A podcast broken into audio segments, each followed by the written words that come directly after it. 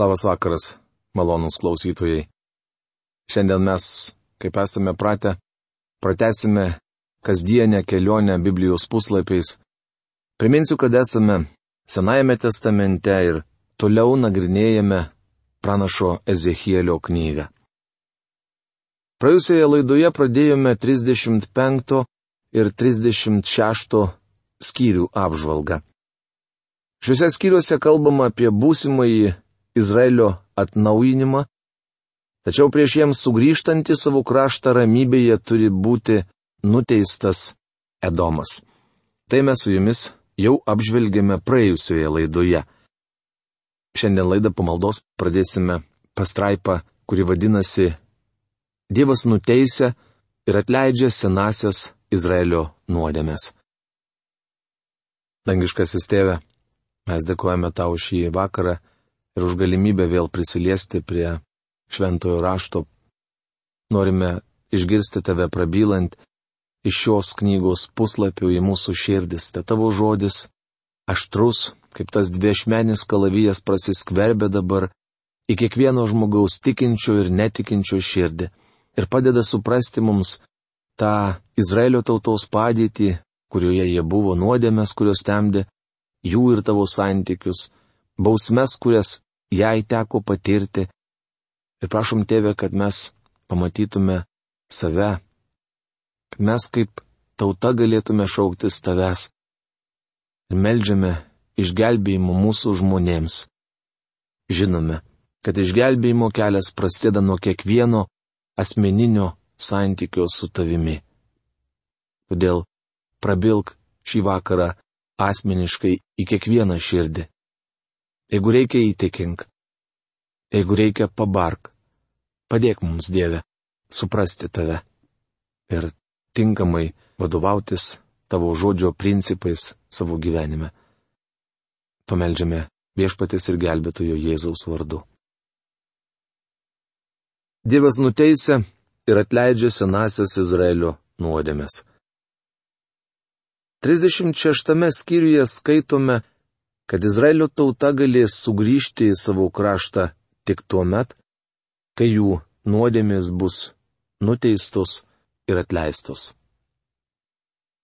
Taip kalba viešpats Dievas.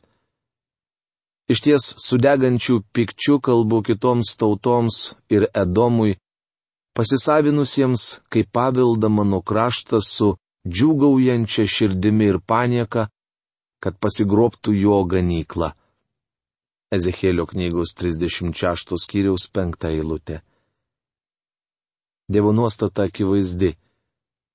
Nedoriliai nepaveldė žemės. Jis yra aiškiai tai pasakęs. Palaiminti romieji. Jie paveldė žemę.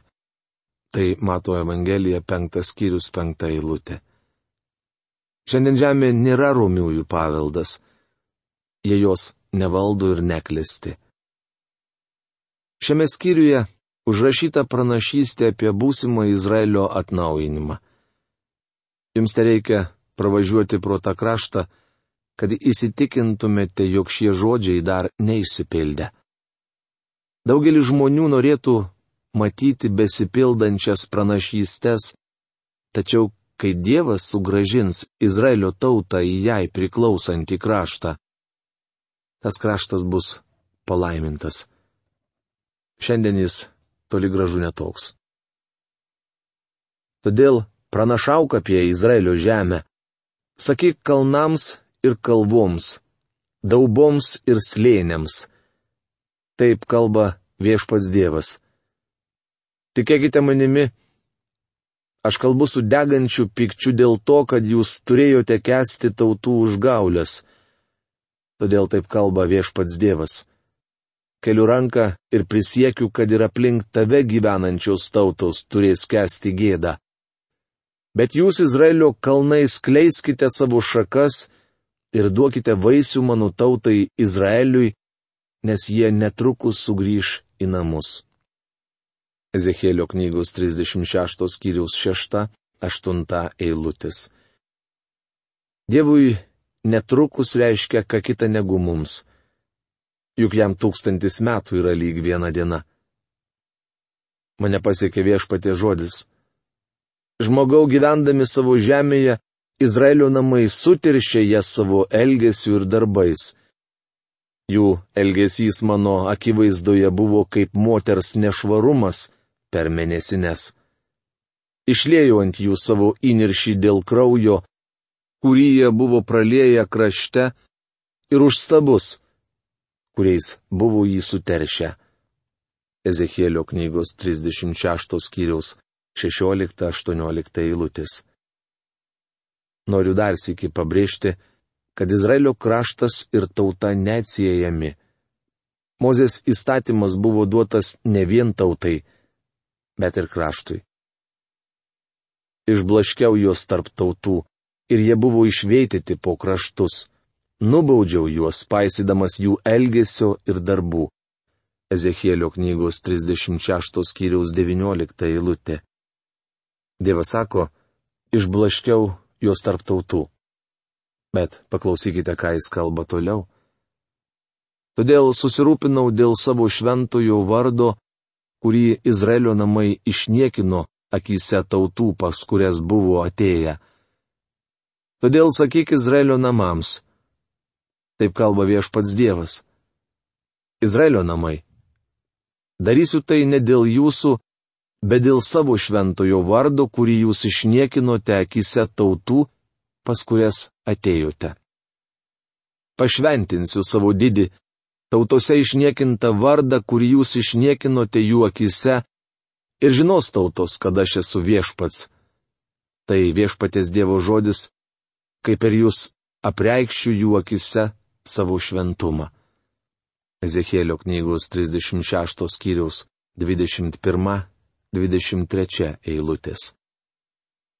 Matote, Dievas dar apgins savo gerą vardą žemėje.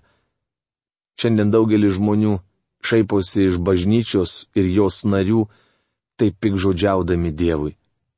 Tačiau jis išteisins ir pašventins savo vardą šioje žemėje. Nūdien dažnas naudoja Dievo vardą piktam ar tarė jį be reikalo, bet Dievas sako, tai liausis ir jūs atiduosite man tinkamą pagarbą. Matote, tai jo pasaulis. Duosiu jums naują širdį ir atnaujinsiu jūs naują dvasę. Išimsiu iš jūsų akmens širdį ir duosiu jums jautrę širdį. Ezekėlio knygos 36 skyriaus 26 eilutė. Dievas sako, ką ketina daryti. Įvyks rimtų pasikeitimų. Frazė duosiu jums naują širdį reiškia, kad jie gims iš naujo. Duosiu jums savo dvasę ir padarysiu, kad gyventumėte pagal mano įstatus, laikytumėtės mano įsakų ir juos vykdytumėte. Ezekėlio knygos 36 skyriaus 27 eilutė. Apie tai pranašavo Joelis. Artėja diena, kai Dievas išlės savo dvasę ant kiekvieno, ne tik ant kai kurių žmonių. Sėkminių dieną dvasia buvo išlieta tik ant kelių mokinių. Ta diena paštalas Petras tik sakė, nesišaipykite iš mūsų ir nesakykite, kad esame girti. Atsitiko kažkas panašaus į tai, ką apie paskutinės dienas pranašavo Joelis dvasia nužengė tik ant keletų tikinčiųjų, o šiandien Dievas renkasi savo vardui tautą. Kai atsigręžite į Kristų, tą pačią akimirką esate atgimdomas šventąją dvasia ir pakrikštiemas ją. Dievo dvasia apsigyvena jumise ir padaro jūs tikinčiųjų kūno nariu. Dievas sako, tą dieną aš duosiu jums savo dvasę. Tuomet jūs gyvensite krašte, kurį daviau jūsų protėviams. Jūs būsite mano tauta, o aš būsiu jūsų Dievas. Kai būsiu jūs išgelbėjęs iš visų jūsų nešvarumų, paliepsiu javams, kad būtų gausūs ir bado jums nebesukelsiu. Ezekėlio knygos 36 skyriaus 28-29 eilutės. Jie gyvens savame krašte, o kraštas klėstės. Dievas yra pažadėjęs Izraelio tautai fizinius palaiminimus, o mums - dvasinius. Šis skyrius baigėsi nuostabia pranašyste. Žmonės sakys, tas kraštas kadaise nuniokotas pavirto Edeno sodu, o miestai kadaise tušti, nuniokoti ir sugriauti, dabar gyvenami ir įtvirtinami. Tuomet tautos išlikusios aplink jūs žinos, kad aš viešpats atstačiau griuvėsius, atsudinau tyrus. Aš viešpats pasakiau, aš ir padarysiu. Taip kalba viešpats Dievas. Leisiu Izraelio namams dar ir to iš manęs prašyti - pagausinti jų žmonių kaip avių kaiminėje.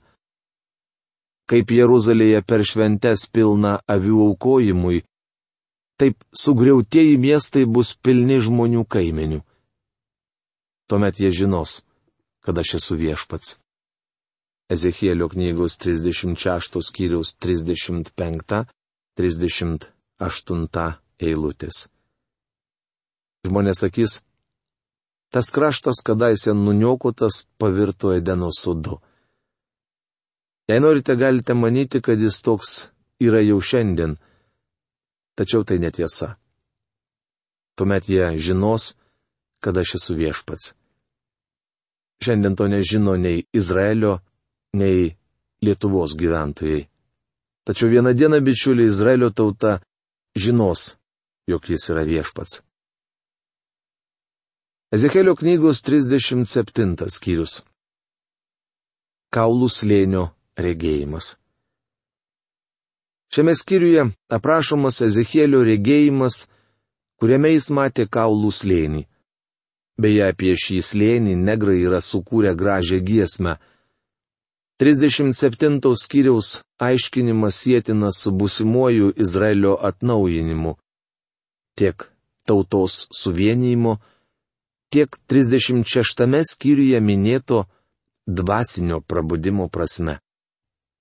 Noriu pabrėžti, kad šiame skyriuje aprašomas regėjimas nesusijęs su užmigusiųjų šventųjų prikelimu.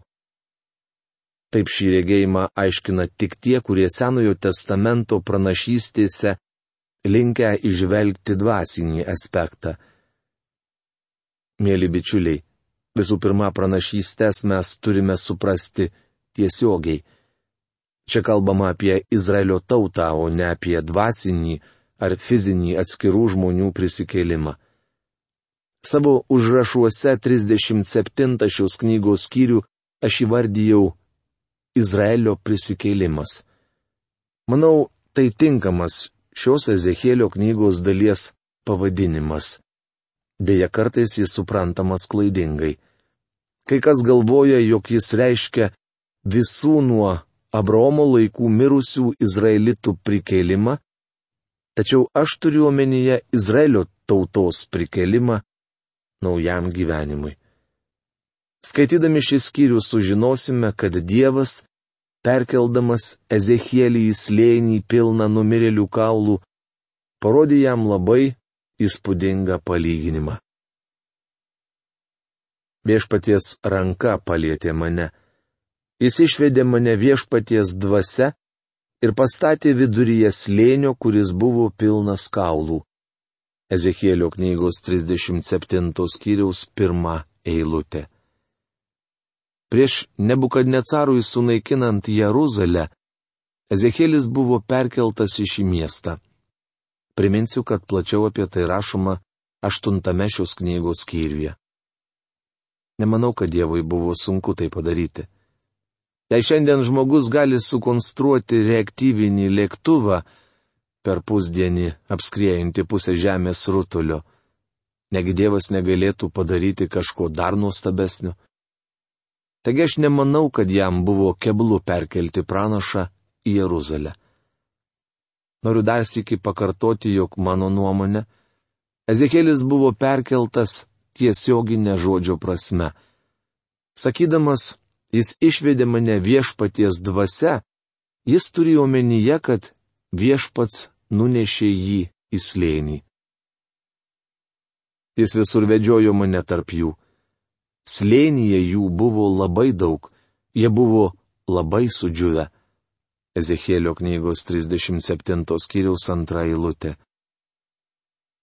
1849 metais Liujisas Menlis ir jo partneris Jonas Rodžersas, norėdami pargabenti maisto ir vandens dykumoje užstrigusiai Beneto ir Arkeino vadovaujamai naujakurių grupiai, perėjo Kalifornijos mirties slėnį. Beneto ir Arkeino žmonės į mirties slėnį buvo atklydę per klaidą. Jei šie du vyrai nebūtų perėję slėnių ir jų neišgelbėję, jie visi būtų žuvę. Menlis ir Rodžersas buvo pirmieji baltaodžiai, kirtę šį mirtiną slėnį ir savo akimis pamatę jo siaubingus tyrus. Retas buvo regėjęs panašius vaizdus. Tačiau maždaug prieš pustrečio tūkstančio metų Ezekielis matė dar niuresnį reginį. Pranašas regėjo kitą mirties slėnį. Dar labiau apleistą, dar baisesnį ir grėsmingesnį už Kalifornijos mirties slėnį. Ezekėlis išvydo gausybę išbarstytų numirėlių kaulų. Jie buvo labai sudžiuvę. Jis tarė man. Žmogau, ar gali šie kaulai atgyti? Atsakiau, viešpatė Dieve, Tik tu tai žinai. Ezekėlio knygos 37 skyriaus 3 eilutė. Parodęs Ezekėliui mirusių žmonių kaulus, Dievas paklausė, ar gali jie atgyti? Pranašas atsakė, viešpatė Dieve, tik tu tai žinai. Kitaip tariant, jis sakė, nemanau, tačiau tik tu gali iš tiesų žinoti, ar šie numirėlių kaulai gali atgyti ar ne. Tuomet jis tarė man. Pranašauk šitiems kaulams, sakyk jiems. Sausieji kaulai, klausykitės viešpatie žodžio. Ezechielio knygos 37 skyriaus ketvirta eilutė. Situacija buvo ironiška ir net juokinga. Aš visuomet tvirtinau, kad Dievas turi humoro jausmą ir ši pastraipa tai rodo. Jei jums ji netrodo juokinga, Nekreipkite dėmesio, nes tai tik mano nuomonė. Tačiau įsivaizduokite Dievą sakant Ezekėliui, pranašauk šitiems kaulams, pradėk taip. Jūs, sausieji kaulai, klausykitės viešpatie žodžio. Manau, Ezekėlis sakė, viešpatie, tu juk nenori, kad aš imčiau kalbėti šiems išdžiūvusiems kaulams. Vos imsiu tai daryti, prisistatys vyrai baltais halatais. Nekokia įžanga pamokslui, ar ne? Joks pamokslininkas nepradės susirinkimo kreipdamasis į salėje sėdinčių žmonės. Jūs sausieji kaulai. Vienas mano bičiulis, kuris taip pat turi gerą humoro jausmą, Siki man pasakė, žinai, kartais aš norėčiau kreiptis į susirinkusiuosius Ezehelio žodžiais. Mat žmonės sausi kaip mirusiųjų kaulai. Tačiau nedrįstų to daryti. Ezekėlis žvelgia į gausybę slėnyje išbarstytų kaulų ir turėjo jiems pranašauti. Kiekvienos bažnyčios pamokslininkas iš sakyklos kalba tiek išgelbėtiems, tiek neišgelbėtiems žmonėms. Kai kurie išgelbėtieji turi ausis klausyti, bet negirdi. O neišgelbėtieji yra mirę savo nusikaltimais ir nuodėmėmis, tai yra jie dar net pirkti Taigi pamokslininkas yra toks pat bejėgis, koks šioje situacijoje buvo Ezekielis. Jei pamokslininkas suvokia tikrąją pražuvusiųjų būklę, jis supras, jog pats iš savęs neturi jiems ką pasakyti. Ezekėliui buvo liepta kreiptis į sausus kaulus. Klausykitės, ką kalba Dievas. Taip kalba viešpats Dievas šiems kaulams. Tikėkite manimi, aš įkvėpsiu jums dvasę ir jūs atgysite.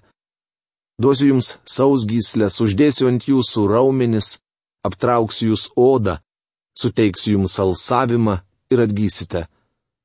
Tuomet žinosite, kad aš esu viešpats. Ezekielio knygos 37 skyriaus penkta, šešta eilutės. Dievas sako, noriu, kad praneštum kaulams, jog aš juos atgaivinsiu. Panašioje būklėje esame ir mes. Jei Dievas mums nebūtų suteikęs dvasinės gyvybės, kalbu apie tikinčius žmonės, mes jos neturėtume.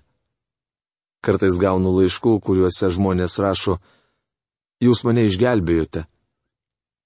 Bičiuli, aš negaliu nei vieno išgelbėti, tik skelbiu sausiems kaulams Dievo žodį. Tai visas mano darbas, o gyvybę suteikia Dievo dvasia. Kitaip jos įgyti neįmanoma. Toks šių eilučių pritaikymas. Skaitydami toliau pamatysime, jog jų išaiškinimas taip pat įspūdingas. Mielas klausytojų, bet tai mes su jumis padarysime jau kitoje mūsų laidoje, nes šios dienos laidos laikas baigėsi. Taigi, mėlyjeji, jeigu šiandien mes pasiryštame atverti savo širdis ir įtempti savo protus ir išgirsti, kas yra skelbiama šventajame žodyje, jeigu mes neliekame tam abejingi ir šaukiamės Dievo į pagalbą, kad Jisai padėtų mums, tai mes įgyjame šiandieną gyvybę, nes Dievo dvasia per žodžio skelbimą atneša mums supratimą, ką mes turime padaryti ir kaip mes turime pasikeisti savo širdyse, savo mąstymę. Nes nuo tos akimirkos, kai žmogus priema Kristaus dvasę, Dievas duoda jam galimybę naudotis Kristaus išmonė, kaip rašoma rašte, arba jo protu. Nes Dievo dvasia apsigyvena žmoguje ir žmogus pradeda suprasti tuos žodžius, kuriuos Dievas mums paliko kaip apreiškimą. Mėlyji, mano malda už Jūs, kad Jūs šiandieną galėtumėte šauktis Jo pagalbos ir Jisai išgelbėtų Jūs. Ir Jūs stotumėtės į tą išganomą į kelią. Taigi, tuo mūsų laidą ir baigsime. Iki greito sustikimo. Sudė.